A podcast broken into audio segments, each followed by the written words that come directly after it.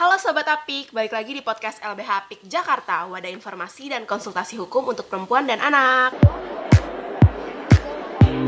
Apa kabar nih Sobat Apik? Ingat-ingat gak sih podcast kita kemarin itu ngomongin stigma kepada perempuan. Tapi sebenarnya stigma itu nggak cuma dilekatkan di perempuan aja ya. Orang yang dianggap berbeda dari masyarakat pada umumnya itu juga biasanya rentan terkena stigma Nah bener banget, salah satunya itu yang paling rentan terkena stigma itu adalah orang dengan HIV AIDS Atau yang biasa dikenal sebagai ODA Lah, Sa, emang HIV itu sebenarnya penyakit yang kayak gimana sih? Aduh Ri, sebenarnya ya gue juga belum tahu banget sih tentang HIV AIDS apalagi ODA-nya ini kan. Jadi daripada salah ngomong, mending kita langsung ngobrol-ngobrol nih sama narasumber kita kali ini jadi hari ini kita kedatangan Dr. Devi Surya Iriani dari Puskesmas Pasar Minggu dan Mbak Nining Ivana dari Ikatan Perempuan Positif Indonesia atau IPI. Nah, eh, dok, eh, kak, jadi ini kan banyak banget nih masyarakat awam yang mungkin nggak terlalu ngerti tentang HIV AIDS itu sebenarnya apa, tapi mereka tuh udah kemakan stigma eh, duluan, jadi udah ada pandangan jelek gitulah ya tentang HIV AIDS. Nah, sebenarnya yang mau kita tahu itu HIV AIDS itu sebenarnya penyakit apa sih? Terima kasih, saya Dr. Devi dari Puskesmas Kecamatan Pasar Minggu. Eh, kalau kita berbicara tentang HIV, artinya HIV itu adalah virus. Virus yang menyerang kekebalan tubuh manusia. Jadi yang diserangnya adalah kekebalan tubuh kita, sehingga tubuh kita tidak punya lagi kekebalan semua penyakit yang akan masuk ke dalam tubuh. Jadi kalau semua sudah masuk penyakit di dalam tubuh kita dan merupakan kumpulan dari gejala penyakit itulah yang disebut dengan AIDS. HIV ini eh, yang dihancurkannya tadi sistem kekebalan tubuh ya salah satunya itu adalah sel darah putih. Sel darah putih ini yang kita kenal sering kita dengar, sering kita dengar sekali apa yang disebut dengan sel limfosit T atau CD4 ya. Jadi CD4 ini yang diserang oleh virus HIV karena CD4 ini merupakan tentara di dalam tubuh kita. Jadi setiap uh, penyakit yang masuk ke dalam tubuh kita akan diserangnya, akan diserangnya. Tapi kalau virus HIV sudah masuk ke dalam tubuh kita, satu kali saja virus HIV masuk ke dalam tubuh kita, seumur hidup virus HIV itu akan ada di dalam tubuh kita. Dan dia tidak bisa dikalahkan oleh si CD4 tadi. Oke. Berarti itu penyakit yang lumayan long term juga ya dok ya berarti penyakitnya apa eh, untuk jangka panjang gitu. Untuk kita ketahui lagi bahwa virus HIV itu akan ada seumur hidup. Jadi seumur hidup ada di dalam tubuh kita. Jadi sampai dengan sekarang belum ada obat yang dapat menyebabkan virus HIV itu tidak ada lagi di tubuh kita. Jadi belum ada. Tapi untuk penyakitnya sendiri itu apakah HIV itu bisa disembuhkan atau bisa tidak eh, bisa kita cegah penularannya atau sebenarnya tuh cara penularannya seperti gimana sih dok? Boleh dijelaskan dengan ya? Baik. Eh, tadi sudah saya sampaikan sekali saja virus HIV itu masuk ke dalam tubuh kita, dia akan ada seumur hidup di dalam tubuh kita. Belum ditemukan adanya obat yang dapat menyembuhkan, membuat virus HIV itu hilang di tubuh kita. Tetapi ada obat yang kita kenal dengan ARV atau atau antiretroviral virus yang gunanya an- untuk mencegah supaya virus HIV itu nggak makin banyak. Jadi eh, menahan virus HIV sehingga kekebalan tubuh kita bisa meningkat lagi. Kalau soal penularannya tadi ya orang dengan yang sudah tertular virus HIV kemudian dia berhubungan dengan orang yang tidak tertular dia melalui hubungan hubungan seks dia akan menularkan. Kemudian eh, dari ibu ke anak ya ibu yang telah tertular virus HIV dia akan menularkan kepada anaknya. Kemudian orang eh, menggunakan narkoba suntik ya narkoba suntik itu berganti-ganti eh, jarum suntik yang tidak steril karena virus HIV itu kita ketahui ada di dalam darah, terutama di dalam sel darah putih tadi yang saya sebut limfosit T atau CD4. Jadi itulah yang menyebabkan terjadinya penularan virus HIV. Oke. Kalau dari Mbak Nini sendiri ada yang mau ditambahin nggak kira-kira dari penjelasannya Bu Dokter? Oke, eh, saya mau jelasin sedikit mungkin karena saya sendiri orang dengan HIV dan kebetulan saya eh, aktif di isu eh, perempuan dengan HIV. Nah, IPI sendiri fokus untuk semua perempuan dengan HIV itu berdaya terhadap kesehatannya. Nah, kalau tambahan tambahan saya adalah HIV itu sebenarnya virus yang sangat sopan loh. Maksudnya gini, eh, sopan dalam arti kata dia tidak mungkin masuk kalau tidak diundang. Itu konsepnya tidak tidak serta merta orang mudah sekali tertular kalaupun dia diundang belum tentu dia terinfeksi tapi tetap ada resiko penularan. Maksudnya di sini adalah kalau mendengar penjelasan dokter tuh orang yang tidak tahu sama sekali informasinya kan wah virus ini menakutkan sekali ya gitu. Berbahaya. Sekali kena seumur hidup gitu ada memang benar. Benar arti maksudnya di sini adalah kalau kita sudah terinfeksi HIV dan HIV kita reaktif dalam tubuh seumur hidup itu akan selalu ada sama kayak flu. Siapa di sini tidak pernah kena flu lagi? Sekali kena pasti akan ada kambuhan lagi gitu.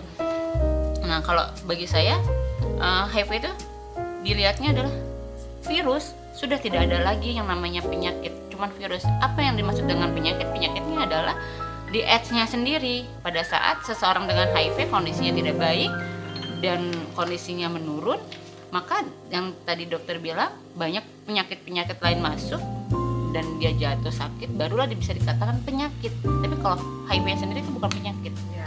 cuma nama virusnya. Nah terus eh, saya juga harus mengatakan eh, memang benar eh, penularan dari ibu ke anak itu beresiko ada. Eh, tapi eh, tidak tidak semua ibu yang HIV eh, itu akan melahirkan anak HIV gitu. Tapi dia juga akan ada ada beberapa presentasi anaknya tidak kena HIV. Tapi alangkah baiknya harus ada intervensi program supaya ibunya tidak menularkan ke anak betul Ini yang tadi juga eh, kita sempat ngobrol-ngobrol di belakang ya dok ya Mm. tentang screening pranikah itu seperti apa Ya. dan gimana cara mencegah kalau misalnya ibunya itu HIV positif Mm. untuk menularkan anak ke anaknya agar tidak eh, viral load-nya undetected. Mungkin bisa dijelaskan lagi dok Ya. tentang program itu? Nah, terima kasih. Uh, benar sekali Mbak. Uh, saya menyampaikan itu tadi ingin memberitahukan kepada uh, masyarakat beginilah apa yang disebut dengan virus HIV. Tapi virus HIV itu kalau dia virus dia bukan ya seperti itu tadi flu. Kalau daya tahan tubuh kita rendah, ya seperti tadi dia akan bangkit. Jadi kalau dia rendah, kemudian kumpulan dari gejala penyakit akan mudah masuk, itulah yang baru disebut dengan penyakit yang kita sebut dengan AIDS. Nah, itu adalah statementnya apa itu sebenarnya virus HIV. Tapi virus HIV tadi tidak mudah masuk ke dalam tubuh orang lain kalau tidak ada jalannya. Benar seperti yang Mbak sampaikan. Jadi kalau tidak ada jalan, nggak akan masuk. Ya. Nah, bagaimana supaya kita kan tadi udah berbicara tentang bagaimana seorang ibu dapat menularkan kepada anak. Itu juga tidak gampang, apalagi kalau kita mengikut satu program yang disebut dengan PMTCT, ya atau PPI ya Mm. Mother to Child Transmission AIDS HIV. Bagaimana seorang ibu dengan virus HIV yang ada di dalam tubuhnya tidak menularkan kepada anak. Jadi semua itu sekarang ada program itu satu program. Semua ibu hamil pada kunjungan pertama yang datang ke puskesmas dia akan langsung dilakukan screening HIV. Apabila dia menyatakan reaktif ada virus HIV di dalam tubuhnya, kita segera memberikan inisiasi obat yang disebut dengan ARV dan memberikan dukungan moral kepada si ibu tadi. Jadi kita, jadi HIV itu bukan sesuatu yang sangat luar biasa yang dulu-dulu orang Hmm. sampaikan. Nggak lagi. Tadi makanya saya bilang statement awalnya itu itulah ya kita harus jelas apa itu HIV kemudian sekarang pemerintah sudah mempunyai satu program yang disebut dengan program catet calon pengantin. Tadi kepada ibu hamil kunjungan pertama di screening ya itu awalnya screening HIV tapi sekarang ada program catet jadi di DKI Jakarta ini sedang marak-maraknya program catet ini. Program catet ini melakukan screening penyakit tidak menular jadi bukan hanya HIV aja jadi jangan merupakan suatu diskriminasi jadi semua itu dianggap sama yang tidak menular seperti hipertensi, kolesterol, hepatitis, infeksi menular seksual, infeksi saluran reproduksi, termasuklah HIV. Apabila ya di screen dan apabila uh, calon pengantin tadi salah satu uh, dari pasangannya uh, dinyatakan positif HIV, petugas kesehatan akan memberikan informasi yang jelas. Bukan berarti mereka tidak boleh menikah, bukan. Tapi kita akan memberikan informasi, kita akan memberikan segera inisiasi ARV tadi. Dan pasangannya ini wajib memberitahukan kepada pasangannya. Karena apa? Pasangan ini berhak untuk tidak mendapatkan penularan dari virus HIV yang sebenarnya bisa kita cegah. Benar ya? Jadi kita kasih tahu. Kita juga akan memberikan informasi, kamu jangan takut. Kalau kita sudah melakukan eh, inisiasi ARV tadi, kita akan pantau dengan melakukan pemantauan dengan viral load tadi saya bilang eh, apakah viral load itu kalau kita lakukan setelah minum obat selama enam bulan kita bisa akan pantau apakah virus itu akan terdeteksi nggak di dalam tubuhnya. Bukan ber- kalau dia nyatakan tidak ter- tidak terdeteksi bukan berarti virus itu nggak ada. Tetapi kemungkinan besar sekali dia tidak akan menularkan kepada pasangannya. Gitu. jadi bukan berarti orang dengan HIV itu oh tidak bisa apa-apa. Banyak kok orang dengan HIV keluarga dengan HIV anaknya sehat istrinya sehat dan mereka saling menjaga. Eh, menjaga agar bagaimana eh, bisa supaya pasangannya tidak tertular dan anak-anaknya tidak tertular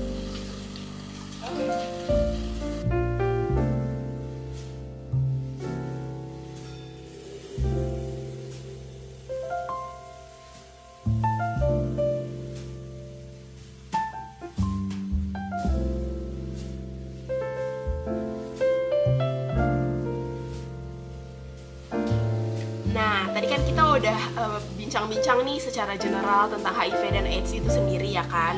Sekarang kita mau nanya-nanya dulu nih sama Mbak Nining tentang eh, kendala yang dihadapi oleh Oda untuk mendapatkan akses kesehatan. Itu apa aja sih, Kak? kalau bicara kendala eh, sebenarnya kalau kendala terbesar waktu saya mengetahui status tahun 2004 itu nggak ada ya maksudnya masih sorry eh, tahun 2004 itu eh, sangat jomplang sekali dibanding tahun sekarang sekarang lebih baik dibanding tahun 2004 tapi tetap ada kendala-kendala yang menurut saya kok begini ya kok begini? Maksudnya gini eh, kita eh, karena saya fokus di perempuan dengan HIV kondisi yang paling sering ditemui oleh kami adalah bagaimana teman-teman perempuan ini pada saat eh, kehamilan kan sedangkan di pa- buku panduan Kemkes tentang eh, PPIA eh, penularan dari ibu ke anak itu jelas boleh memilih yang namanya melahirkan secara seksio atau normal. Asal dengan syarat dan ketentuan yang berlaku kalau dia memang mau memilih normal. Tapi pada kenyataannya eh, tidak semua layanan siap akan itu. Saya tidak tahu eh, apa yang terjadi tapi eh, ada beberapa teman-teman IPI sendiri sudah melakukan persalinan secara normal gitu. nah untuk pemberian nutrisi juga jelas di dalam panduan PPIA si ibu boleh memberikan asinya asal dengan catatan si si ibu selama memberikan nasi virusnya tidak terdeteksi dan tidak ada infeksi penyakit penyerta, CD4-nya atau kekebalan tubuhnya tinggi, dan selama memberikan ASI tidak boleh mix feeding, maksudnya tidak boleh diberikan dengan susu formula, harus ASI eksklusif. Terus uh, si anak juga selama memberi, diberikan ASI dia harus selalu minum uh, profilasis atau ARV dosis tunggal supaya tidak terjadi penularan gitu. Nah ini menarik. Menariknya apa? Kita bicara tentang sisi ke, uh, perempuannya ya. Pada saat ada ibu yang merasa semua syarat dan ketentuan itu sudah dia uh, bisa capai, tapi ternyata tidak didukung oleh layanannya.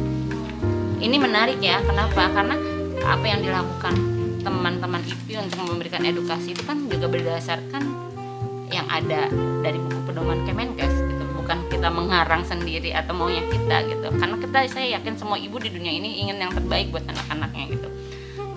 Tapi pada saat si perempuan merasa saya sebenarnya mau memberikan asi mbak Nining. Saya CD4 nya 1000 lebih. Viralus saya tidak terdeteksi. Tapi sama orang kesehatannya saya nggak boleh katanya nanti kamu bisa ketularan anaknya. Kan waktu itu belajar kalau nggak salah boleh ya mbak? Jadi kami sendiri ada kebingungan ada apa sih ini sebenarnya? Kenapa implementasinya kok uh, tidak berjalan sampai di ranah yang sangat bersentuhan langsung sama penerima manfaat gitu. Itu satu. Terus kedua uh, mungkin di tempat ibu bekerja di puskesmas uh, pasar minggu sangat ramah dengan oda tapi kita tidak tahu berapa banyak orang yang mengakses di luar puskesmas pasar minggu. Nah kalau saya mencontohkan lagi tadi teman-teman IP yang pernah mengakses itu mengakses layanan kesehatan di luar puskesmas pasar minggu ada pertanyaan-pertanyaan yang sebenarnya tidak tidak diperlukan pada saat melakukan pemeriksaan. Kenapa saya bilang tidak perlu dilakukan ini kita mengambil contoh lagi ya yang di, yang ada di anggota IP pasangan suami istri. Dia dites ketahuan istrinya dulu yang eh suaminya dulu yang positif. Karena atas dasar itu si istri disarankan untuk tes. Ketahuan juga hasilnya dua-duanya positif. Nggak lama satu bulan setelah dia langsung diintervensi obat si suami eh, si istri hamil proses konseling itu dilakukan di awal sebenarnya kan? Sudah sudah dilakukan pada saat tes. Berarti tentang dia dari mana menular bagaimana menular itu sudah dibicarakan di awal kan? Pada saat si ibu dirujuk ke poli kandungan atau ke bagian uh, uh, kesehatan ibu dan anak untuk memeriksakan kehamilannya ini sebenarnya sering terjadi sama teman-teman perempuan atau mungkin teman-teman laki, laki dengan HIV pun pernah mengalami tapi mungkin karena teman-teman perempuan lebih gampang bercerita jadi saya sering mendengar ya mbak aku tuh pusing pusing kenapa aku tuh nggak suka nggak semuanya ini jadi bersifatnya lebih ke individual ya bukan ke layanannya ya layanannya itu memang menerima tapi uh, sifatnya ini adalah uh, ke personal ada saja pertanyaan yang buat saya tidak perlu lagi ditanyakan. Kenapa? Karena pada saat si ibu datang dengan kondisi hamil, dengan baru tahu status HIV-nya, dia sudah menceritakan sebelumnya ke konselor atau ke dokter yang awal, terus dia datang lagi ke pemeriksaan kehamilan. Uh, kan situ sudah ada catatan medis ya? Iya. Tapi ditanyakan ditanyakan hal yang sama dan kebutuhannya bukan untuk medis sebenarnya. Kenapa? Karena kan sudah sudah di awal kan. Tapi ibu dari mana ya bu? HIV-nya gini gini gini dan saya rasa saya pun kadang-kadang suka uh, ya sudah saya ambil sisi positifnya mungkin dia mau mau tahu gitu penularan HIV kita mengedukasi. Tapi bagaimana dengan perempuan-perempuan yang kondisinya baru tahu dan dia hamil? Tolong agak sedikit sensitif perempuannya dipakai. Dia ini sedang berdamai dengan uh, situasi yang tidak menyenangkan loh gitu. Apalagi dia juga tidak mau bertanya sama pasangannya kamu dari mana sih? gitu. Itu belum waktunya karena hari ini yang terjadi dia sedang hamil. Kondisinya harus menyelamatkan satu nyawa lagi dalam kandungannya. Dan setiap datang ke layanan itu pertanyaan itu ada lagi. Nah sampai ada satu kejadian yang membuat saya sedikit hmm, gemetar. Kenapa gemetar? Karena kok bisa ya? Gitu ada pertanyaan itu. Jadi ada salah satu dokter di rumah sakit pemerintah di Jakarta. Saya tidak layak menyebutkannya tapi mungkin ini dokter tujuannya baik tapi cara bertanyanya itu yang akhirnya melukai dia gitu.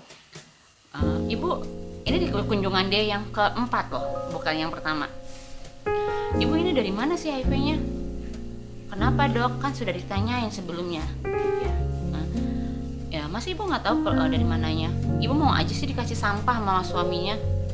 That's it, itu nggak bagus buat saya. Saya langsung gemeteran dengan itu. Terus kamu jawabnya apa? Gitu saya bilang, aku nangis mbak, cuman aku tahan.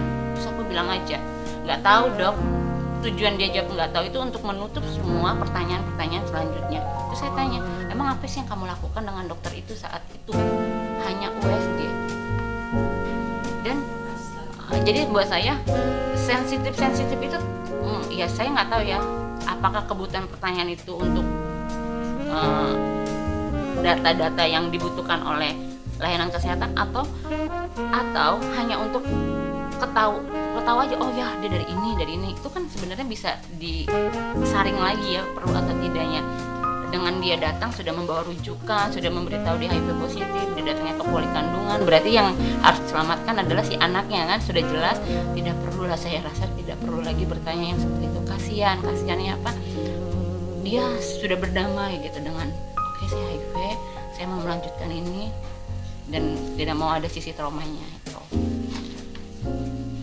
Oke, berarti em, sebenarnya tuh harusnya ada keseimbangan edukasi juga ya di sini Hmm. dari layanan kesehatan Hmm. dan masyarakatnya juga. Ya, ya, betul. Jadi ada sosialisasi Uh-uh. ke seluruh lapisan masyarakat mengenai HIV ini sendiri. Uh-uh. Da- destigmatize. Yes. Itu betul. sendiri. ya ini juga jadi akhirnya kayak kayak uh, apa ya lingkaran yang tidak putus kalau ini tidak dilakukan uh, secepatnya. Kenapa? Karena buat saya Rama itu Rama bukan hanya menerima pasien dengan HIV diobati tapi perilaku personal petugas kesehatannya juga harus memperlakukan pasien HIV sama dengan pasien-pasien yang lain gitu. Nah, itu. Nah terus uh, ya ini juga menariknya uh, buat saya adalah bahkan ini ditularkan sama uh, perawat yang magang gitu yang incas di situ. Dia bilang dia habis selesai operasi tiga jam atau selesai operasi sesar dia masuk ke ruang perawatan uh, tubuhnya masih diselimutin sama selimut rumah sakit. Terus datanglah yang magang dia membantu si ibu ini karena si magang nggak tahu kan status HIV-nya tahu yang perawat penjaga di situ yang bertugas bertanggung jawab itu jangan pegang-pegang dia B20 korelasinya apa pada saat si petugas kesehatan yang satu memegang kakinya yang tidak ada sama sekali darahnya dan tertutup dengan selimut rumah sakit yang tebal itu dia tidak boleh menyentuh belum selesai saya rasa edukasinya apakah uh, yang ditakutin lagi gitu? Kenapa kalau menyentuh emang kenapa? Gitu. Dan itu ternyata melukai perempuan yang baru selesai operasi gitu. Nggak nggak nggak baik buat saya. Gitu. ini 2019 ayo kita perbaiki. Ini catatan-catatan kecil yang mungkin di beberapa layanan sudah tidak lagi ada itu tapi ada loh di beberapa layanan yang masih melakukan hal itu. Terus sebagai perempuan dengan HIV tuh saya tidak tahu ya. Sebenarnya kalau bicara tentang pilihan alat kontrasepsi terus pemilihan persalinan pemilihan nutrisi itu tuh sebenarnya tidak jauh beda dengan perempuan yang tidak dengan HIV asal ada syarat dan ketentuan gitu. Harus dijalani dengan benar harus di ada pakem-pakemnya. Nah tapi ternyata ada beberapa layanan tuh yang yaudah kalau karena kamu HIV kamu harus KB-nya IUD kita semua tahu pemilihan KB itu sebenarnya diputuskan adalah pada si perempuannya. Personal. personal. Dia mau milih mana. Tapi tidak tidak terjadi itu. Walaupun di secara buku pedoman ada yang namanya pemilihan alat kontrasepsi. Tapi tetap si perempuan dengan HIV ibu ibu harus IUD ya. Jadi pada saat selesai sesar pasang IUD gitu. Terus nanti nggak boleh disusuin ya. Masih pakai pola-pola yang lama padahal jelas di PPIA boleh menyusui gitu. Tinggal di tinggal di edukasinya ditambah lagi. Yuk jangan takut. Daripada gini saya saya belum ketemu sama orangnya cuman saya dapat berita dari teman-teman di Jakarta Utara mbak perempuan yang kemarin melahirkan karena dia tidak punya biaya untuk beli susu formula sekarang akhirnya menyusui anaknya kita masih mendengar berita itu. Jadi resiko penularan pada bayi kemungkinan akan tetap terjadi kalau tidak ditangani dengan ya tidak ditangani dengan eh, serius. Karena kita berbicara amannya saja. Jangan dikasih asi karena kalau asi bisa resiko penularannya tinggi. Padahal tidak kan kalau ditangani dengan baik gitu. Nah ternyata ada banyak perempuan oke saya mampu beli susu formula yakin ke ketersediaan susu formulanya itu selalu ada. Walaupun kita tinggal di Jakarta ya dengan mudahnya datang ke salah satu minimart beli. Tapi kan setiap orang punya kebutuhan ekonomi masing-masing gitu. Kenapa kita nggak mem- memacu si ibu untuk ayo kamu mau pilih yang mana? Kalau memang mau pilih yang ini biarkan dia bertanggung jawab pilih pilihannya diskusikan kembali. Libatkanlah si si perempuan dengan HIV ini memilih untuk dirinya sendiri gitu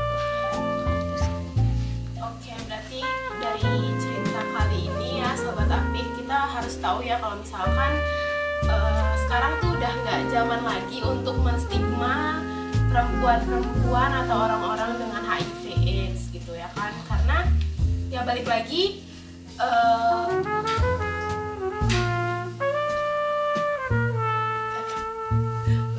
apa? speechless ya banyak loh belum keluar semua itu Break dulu tadi. itu yang masih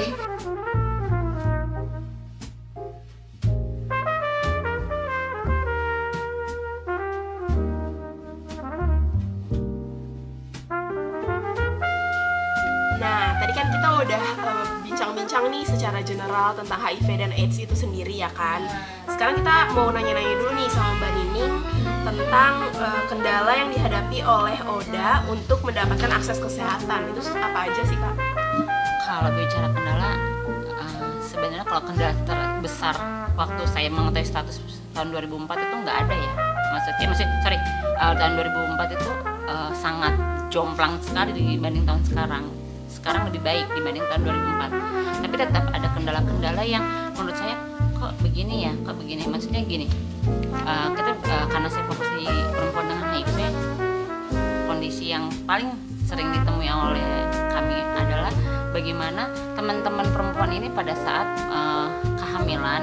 Kan sedangkan di pa- buku panduan Kemkes tentang eh, PPIA eh, penularan dari ibu ke anak itu jelas boleh memilih yang namanya melahirkan secara seksio atau normal asal dengan syarat dan ketentuan yang berlaku kalau dia memang mau memilih normal. Tapi pada kenyataannya eh, tidak semua layanan siap akan tidak tahu eh, apa yang terjadi. Tapi eh, ada beberapa teman-teman IP sendiri sudah melakukan eh, persalinan secara normal gitu. nah untuk pemberian nutrisi juga eh, jelas di dalam panduan PPIA si ibu boleh memberikan asinya asal dengan catatan si si ibu selama memberikan ASI virusnya tidak terdeteksi dan tidak ada infeksi penyakit penyerta CD4-nya atau kekebalan tubuhnya tinggi dan selama memberikan ASI tidak boleh mix feeding maksudnya tidak boleh diberikan dengan susu formula harus ASI eksklusif terus eh, si ibu, anak juga selama memberi, diberikan ASI dia harus selalu minum eh, profilaksis atau ARV dosis tunggal supaya tidak terjadi penularan gitu. Nah ini menarik. Menariknya apa? Kita bicara tentang sisi ke, eh, perempuannya ya. Pada saat ada ibu yang merasa semua syarat dan ketentuan itu sudah dia eh, bisa capai, tapi ternyata tidak didukung oleh layanannya. Ini menarik ya. Kenapa? Karena apa yang dilakukan teman-teman IP untuk memberikan edukasi itu kan juga berdasarkan yang ada dari buku pedoman Kemenkes gitu bukan kita mengarang sendiri atau maunya kita gitu karena kita saya yakin semua ibu di dunia ini ingin yang terbaik buat anak-anaknya gitu tapi pada saat si perempuan merasa saya sebenarnya mau memberikan asi mbak Nining. Saya CD4 nya 1000 lebih. Eh, viralus saya tidak terdeteksi. Tapi sama orang kesehatannya saya nggak boleh. Katanya nanti kamu bisa ketularan anaknya. Kan waktu itu belajar kalau nggak salah boleh ya mbak? Jadi kami sendiri ada kebingungan ada apa sih ini sebenarnya? Kenapa implementasinya kok eh, tidak berjalan sampai di ranah yang sangat bersentuhan langsung sama penerima manfaat satu. Terus kedua eh, mungkin di tempat ibu bekerja di puskesmas eh, pasar minggu sangat ramah dengan Oda. Tapi kita tidak tahu berapa banyak orang yang mengakses di luar puskesmas pasar minggu. Nah kalau saya mencontohkan lagi tadi teman-teman IP yang pernah mengakses itu mengakses layanan kesehatan di luar puskesmas pasar minggu ada pertanyaan-pertanyaan yang sebenarnya tidak tidak diperlukan pada saat melakukan pemeriksaan. Kenapa saya bilang tidak perlu dilakukan? Ini kita yang mengambil contoh lagi ya yang di, yang ada di anggota IP pasangan suami istri. Dia dites ketahuan istrinya dulu yang eh suaminya dulu yang positif. Karena atas dasar itu si istri disarankan untuk tes ketahuan juga hasilnya dua-duanya positif. Nggak lama satu bulan setelah dia langsung diintervensi obat si suami eh si istri hamil. Proses konseling itu dilakukan di awal sebenarnya kan sudah sudah dilakukan pada saat tes. Berarti tentang dia dari mana menular bagaimana menular itu sudah dibicarakan di awal kan. Pada saat si ibu dirujuk ke poli kandungan atau ke bagian uh, uh, kesehatan ibu dan anak untuk memeriksakan kehamilannya ini sebenarnya sering terjadi sama teman-teman perempuan atau mungkin teman-teman laki, laki dengan HIV pun pernah mengalami tapi mungkin karena teman-teman perempuan lebih gampang bercerita jadi saya sering mendengar ya mbak aku tuh pusing pusing kenapa? Aku tuh nggak suka nggak semuanya. Ini jadi bersifatnya lebih ke individual ya bukan ke layanannya ya. Layanannya itu memang menerima tapi uh, sifatnya ini adalah uh, ke personal ada saja pertanyaan yang buat saya tidak perlu lagi ditanyakan. Kenapa? Karena pada saat si ibu datang dengan kondisi hamil dengan baru tahu status HIV-nya dia sudah menceritakan sebelumnya ke konselor atau ke dokter yang awal terus dia datang lagi ke pemeriksaan kehamilan. Uh, kan situ sudah ada catatan medis ya? Iya. Tapi ditanyakan ditanyakan hal yang sama. Dan kebutuhannya bukan untuk medis sebenarnya. Kenapa? Karena kan sudah sudah di awal kan. Tapi ibu dari mana ya bu uh, HIV-nya gini gini gini. Dan saya rasa saya pun kadang-kadang suka uh, ya sudah saya ambil sisi positifnya. Mungkin dia mau, mau tahu gitu penularan HIV akhirnya saya mengedukasi. Tapi bagaimana dengan perempuan-perempuan yang kondisinya baru tahu dan dia hamil? Tolong agak sedikit sensitif perempuannya di- dipakai. Dia ini sedang berdamai dengan uh, situasi yang tidak menyenangkan loh gitu apalagi dia juga tidak mau bertanya sama pasangannya kamu dari mana sih? gitu. Itu belum waktunya karena hari ini yang terjadi dia sedang hamil kondisinya harus menyelamatkan satu nyawa lagi dalam kandungannya dan setiap datang ke layanan itu pertanyaan itu ada lagi. Nah sampai ada satu kejadian yang membuat saya sedikit hmm, gemetar. Kenapa gemetar? Karena kok bisa ya gitu. Ada pertanyaan itu. Jadi ada salah satu dokter di rumah sakit pemerintah di Jakarta. Saya tidak layak menyebutkannya tapi mungkin ini dokter tujuannya baik tapi cara me- bertanyanya itu yang akhirnya melukai dia gitu. Eh, ibu ini di kunjungan dia yang keempat loh bukan yang pertama. Ibu ini dari mana sih HIV-nya kenapa dok? Kan sudah ditanyain sebelumnya nggak tahu eh, dari mananya. Ibu mau aja sih dikasih sampah sama suaminya. That's it. Itu nggak bagus buat saya. Saya langsung gemeteran dengan itu. Terus kamu jawabnya apa? Gitu saya bilang aku mau nangis mbak. Cuman aku tahan. Terus aku bilang aja nggak tahu dok. Tujuan dia jawab nggak tahu itu untuk menutup semua pertanyaan-pertanyaan selanjutnya. Terus saya tanya emang apa sih yang kamu lakukan dengan dokter itu saat itu? Hanya USG dan uh, jadi buat saya sensitif sensitif itu mm, ya saya nggak tahu ya apakah kebutuhan pertanyaan itu untuk uh, data-data yang dibutuhkan oleh layanan kesehatan atau atau hanya untuk ketahu ketahu aja oh ya dia dari ini dari ini. Itu kan sebenarnya bisa disaring lagi ya perlu atau tidaknya dengan dia datang sudah membawa rujukan sudah memberitahu dia HIV positif dia datangnya ke poli kandungan. Berarti yang harus diselamatkan adalah si anaknya kan? Sudah jelas tidak perlu lah saya rasa tidak perlu lagi bertanya yang seperti itu. Kasihan kasihannya apa? Dia sudah berdamai gitu dengan oke saya HIV saya mau melanjutkan ini dan tidak mau ada sisi traumanya. Itu Oke, berarti em, sebenarnya ada keseimbangan edukasi juga ya di sini. Hmm. dari layanan kesehatannya dan masyarakatnya juga gitu. iya, betul. Jadi ada sosialisasi Uh-uh. ke seluruh lapisan masyarakat mengenai HIV ini sendiri.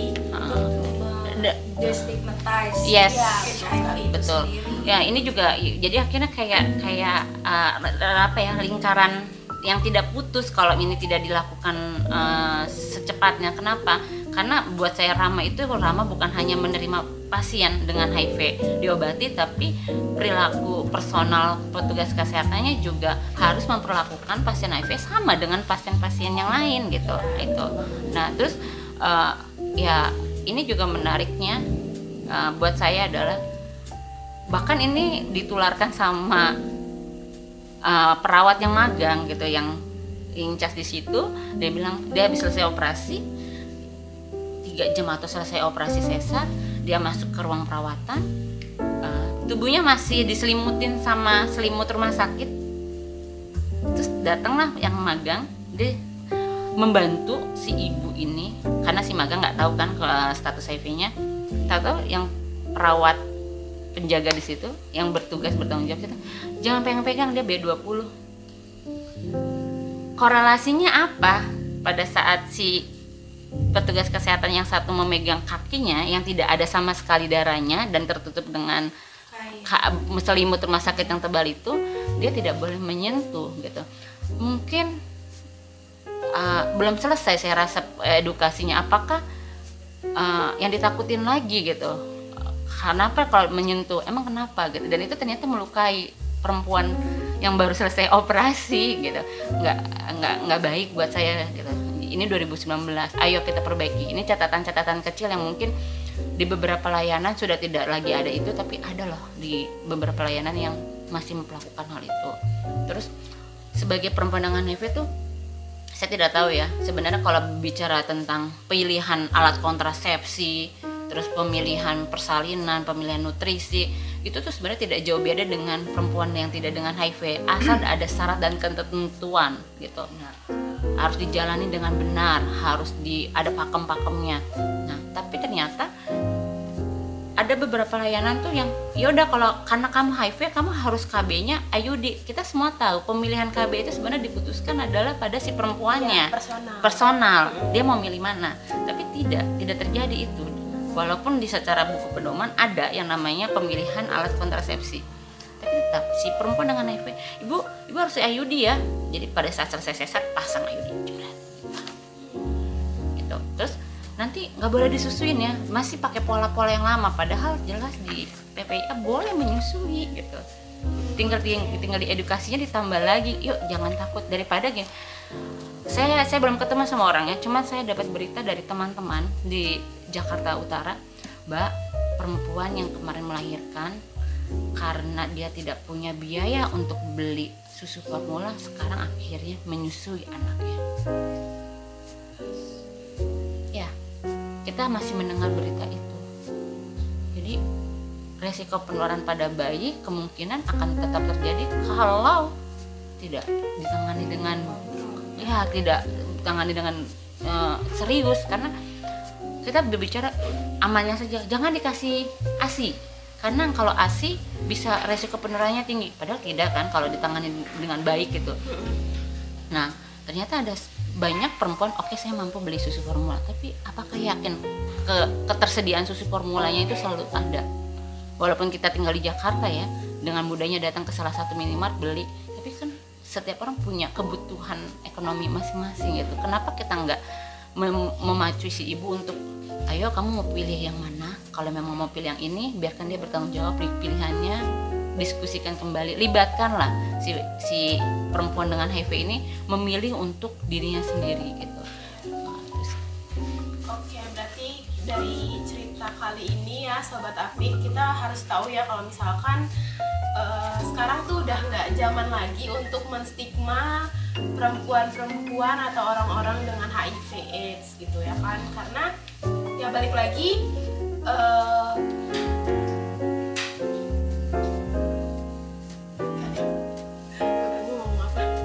speechless ya tuh banyak loh belum keluar semua itu. Itu yang masih.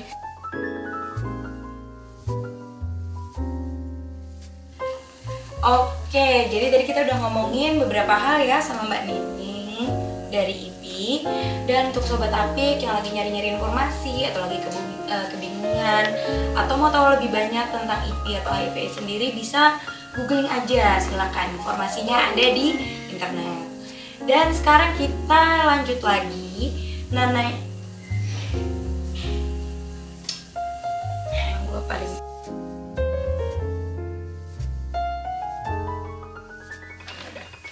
Dan selanjutnya kita sekarang nanya-nanya lagi ke Dokter Devi ya dok ya.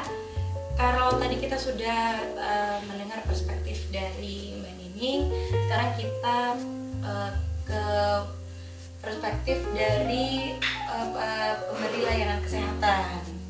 Nah, kalau yang dari informasi yang kami dapat, itu puskesmas pasar minggu itu udah punya pelayanan ramah oda. Dan ini boleh di- dijelasin lagi nggak ya dok? Sebenarnya fasilitas apa yang bisa diakses oleh ODA di puskesmas pasar minggu itu seperti apa? Ya, terima kasih.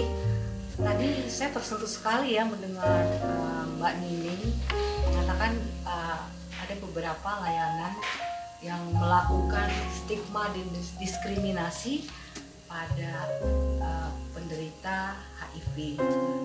Nah, itu sebenarnya tidak layak. Kalau menurut saya tidak layak ya eh, untuk eh, melakukan eh, stigma dan diskriminasi.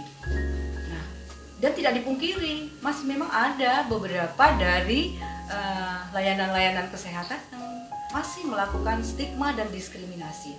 Jadi bagaimana sekarang cara kita mengatasi baik di layanan maupun pada penderita itu sehingga tidak terjadi stigma dan diskriminasi dari luar ataupun dari dalam dirinya sendiri. Nah, di saya berbicara untuk mewakili teman-teman saya di layanan-layanan yang ada di DKI Jakarta bahwa Dinas Kesehatan Provinsi DKI Jakarta dengan suku Dinas Kesehatan yang ada di DKI Jakarta sudah eh, berusaha semaksimal mungkin melakukan sosialisasi-sosialisasi kepada seluruh layanan yang ada di DKI Jakarta dengan program yang disebut dengan IPSD yaitu intervensi penurunan stigma dan diskriminasi. Jadi setiap ini kita datang ke semua layanan memberikan sosialisasi bahwa tidak ada lagi stigma dan diskriminasi di layanan-layanan. Layanan ini eh, dia tempat orang mengakses untuk eh, mendapatkan layanan kesehatan, untuk mendapatkan eh, terapi, mendapatkan dukungan sehingga dia bisa merubah perilakunya yang tidak sehat menjadi lebih sehat. Itu kan salah satunya. Kemudian apa sih kalau di puskesmas pasar minggu saya rasa sama dengan puskesmas puskesmas yang lain yang ada di DKI Jakarta. Bahwa salah satunya saya punya eh, klinik ya punya kita di puskesmas bukan puskesmas kecamatan pasar minggu punya klinik yang namanya disebut klinik mentari. Mentari itu rasanya teduh. Mentari itu artinya sinar. Mentari itu artinya terang. Artinya setiap orang yang masuk ke dalam layanan itu yang tadi dia merasa hidupnya menjadi gelap bukan itu tujuannya dia masuk ke layanan itu hidupnya menjadi terang hidupnya menjadi seperti orang-orang lain seperti orang-orang yang sehat ya kan dia akan mendapatkan layanan lingkungan dia dia mendapatkan kita datang ke layanan ini dengan, eh, dengan, dengan sukarela ya kita mengharapkan orang sekarang ya seperti Mbak Nining mempunyai kesadaran untuk melakukan pemeriksaan tentang eh, risiko yang ada di dalam dirinya sendiri. Kemudian dia akan mendapatkan layanan-layanan konseling ya. Nah, tadi Pak Dini juga menyampaikan salah benar. Jadi memang pada tahap awal kita sudah harus memberikan informasi. Jadi pada tahap awal itulah kita mendapatkan informasi yang sejelas-jelasnya. Kenapa bisa seperti ini? Bukan hanya untuk mengetahui, tetapi kepentingannya adalah untuk menentukan terapi selanjutnya. Ingat ya, untuk menentukan terapi selanjutnya, menegakkan diagnosa yang tepat sehingga kita dapat mengobati dengan tepat. Jadi bukan sekedar nanya-nanya untuk kepingin tahu, bukan. Nah, kadang-kadang kan klien kita ini belum siap. Ya saya tadi terutama karena saya seorang wanita saya juga belum mampu kalau ada ada kesulitan di dalam diri kita. Belum semua orang mampu untuk mengucapkan apa yang diinginkan. Belum tentu semua orang mampu untuk mengatakan apa keinginannya terutama perempuan. Makanya perempuan ini selalu berada di bawah mengatakan dia pakai kondom pada pasangannya dia tidak mampu. Atau dia ingin aku ingin melakukan dengan fantasiku? Kau lakukanlah seperti ini untuk menimbulkan sesuatu hasrat menimbulkan sesuatu keinginan dia dalam melakukan perilaku seks yang benar dan sehat. Dia tidak mampu mengucapkan itu. itulah perempuan. Nah inilah yang harus kita sampaikan mungkin dari Mbak Nini adik saya ini. Saya sangat terharu sekali ya mungkin nanti kita akan bisa bekerja sama. Membangkitkan wanita-wanita itu tidak lagi menjadi orang yang terjajah tapi dia harus mampu menyatakan keinginannya. Mampu menyatakan keinginan mampu menyatakan apa yang dia mau dengan kesehatan. Ya dia mau tapi dia sehat. Nah kemudian kalau pada saat itu dia tidak mampu tidak mampu untuk mengatakan apa yang kita tanya tadi untuk kepentingan dari diagnosa dan terapi kita tidak boleh memaksakan. Tetapi kita memberikan waktu dan ruang. Jadi konseling itu bukan hanya sekali tapi bisa berkali-kali. Jadi seorang dokter yang baik seorang konselor yang baik dia mendengarkan memberi solusi eh, yang menentukan pilihannya tetaplah klien kita ini tidak berhak untuk menghakimi. Tapi kita memberi jalan keluar kamulah yang pilih. Kalau begini tidak sehat. Kalau begini sehat. Semuanya terpulang kepada klien kita. Tapi sebaiknya kita memberikan dukungan moral untuk dia menjadi hidup menjadi lebih sehat. Jadi kalau di pasar minggu atau di puskesmas puskesmas tadi mendapat layanan konseling kemudian kita juga eh, eh, mendapatkan eh, untuk memberikan informasi yang disebut dengan notifikasi pasangan. Bahwa pasangannya juga harus eh, ikut eh, andil untuk melakukan eh, pemeriksaan HIV karena kita tidak mau satu pasangan sakit pasangan yang lain juga sakit tapi tidak mendapatkan hak dia untuk mendapatkan pengobatan. Jadi kita bekerja sama bagaimana supaya pasangannya juga diobati kemudian begitu kita tahu dia positif HIV kita usahakan tidak melakukan pengobatan yang terlambat. Jadi dalam satu minggu itu dia sudah kita usahakan untuk mendapatkan terapi ARV Nah, terapi ARV ini kan eh, gratis secara gratis ya didapat gratis.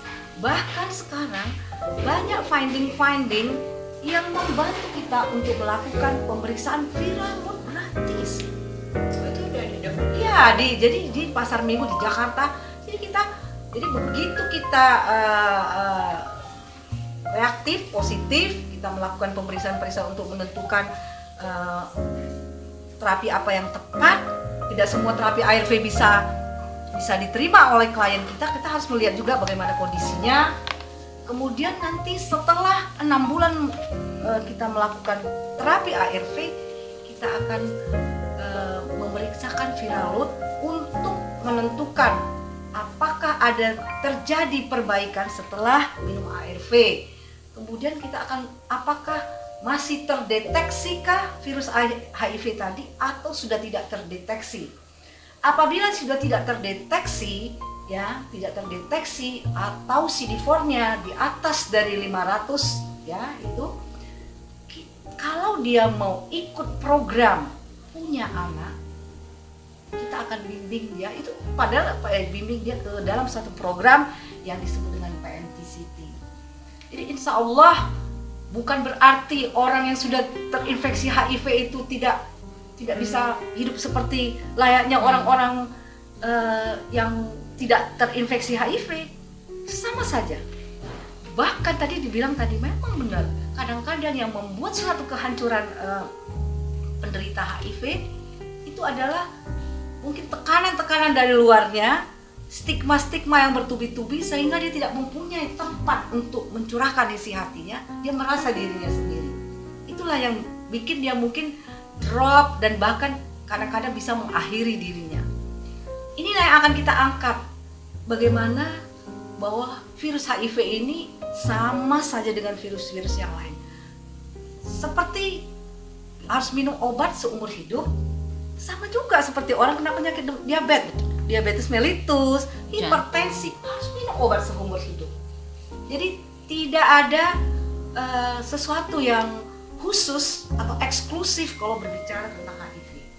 Jadi memang saya dari awal tadi menyatakan supaya semua orang tahu, supaya semua orang tahu apa itu HIV sebenarnya dan ini masalah perilaku. Jadi bukan hanya orang kesehatan, tetapi ini juga masyarakat harus ikut mendukung. Harus ikut mendukung bagaimana kita caranya kita mengentaskan penularan, penularan HIV itu, memutuskan mata rantai penularan HIV pada masyarakat di Indonesia. Ya, jadi inilah yang kita uh, hadapi. Dan insya Allah kalau uh, banyak teman-teman uh, yang ingin mengetahui status HIV-nya, datanglah ke puskesmas. Insya Allah puskesmas sangat ramah. Karena memang tugas kita sebagai seorang dokter, sebagai seorang kesehatan adalah memberikan layanan yang terbaik, memberikan kenyamanan, memberikan keramahan sehingga tujuan akhir kita untuk membuat masyarakat Indonesia menjadi masyarakat yang merubah perilaku yang tidak sehat menjadi perilaku yang sehat. Insya Allah Mbak Nining, ya, insya Allah kita akan bekerja sama. Ya, tetap semangat. Mari kita berbuat sesuatu untuk kebaikan kita.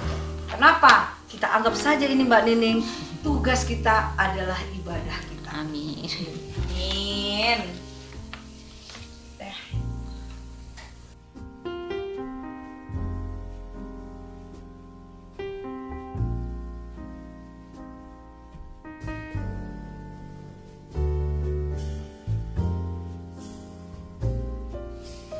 Nah, kita udah ngomongin nih tadi tentang HIV AIDS, mulai dari generalnya, terus kita juga udah tahu nih kerja-kerja uh, pelayanan kesehatan di puskesmas pasar minggu, terus juga kerja-kerja teman-teman IPI. Nah, uh, sekarang uh, kita berharap kalau misalkan sobat apik di luar sana nggak ada lagi yang keliru memahami HIV itu sendiri dan menstigmatisasi orang dengan HIV AIDS itu sendiri ya Ria. Iya bener banget. Dan kita juga mau makasih banget sama Dokter Devi dan Mbak Nining karena udah mau cerita-cerita dari tadi banyak cerita baik cerita on air maupun cerita off air. Karena sama-sama banyak ya dari tadi kita udah lumayan sharing tentang pengalaman dan tentang gimana sebenarnya di uh, fasilitas kesehatan itu seperti gimana penanganannya gitu kan. Nah untuk menutup acara podcast ini boleh uh, dokter atau menining ada pesan-pesan yang mau disampaikan kepada sobat Apik mengenai topik hari ini? Silakan terima kasih. Uh, saya ingin berpesan cintailah diri kita. Kalau kita kadang-kadang tidak mencintai diri kita kita merasakan uh, merasa diri tidak berharga. Ya Allah memberikan kita kesempatan untuk menjadi lebih baik. Kita kalau kita tunggu orang lain untuk uh, memperhatikan kita itu akan sulit. Jadi jaga kesehatan kita kemudian uh, jangan ragu-ragu untuk melakukan uh, pemeriksaan kesehatan ya, untuk melakukan pemeriksaan kesehatan baik ke puskesmas ataupun layanan kesehatan yang lain sebelum ya sebelum kita um, tidak mengetahui bagaimana sebenarnya uh, diri kita ini apakah termasuk kelompok berisiko tidak berisiko.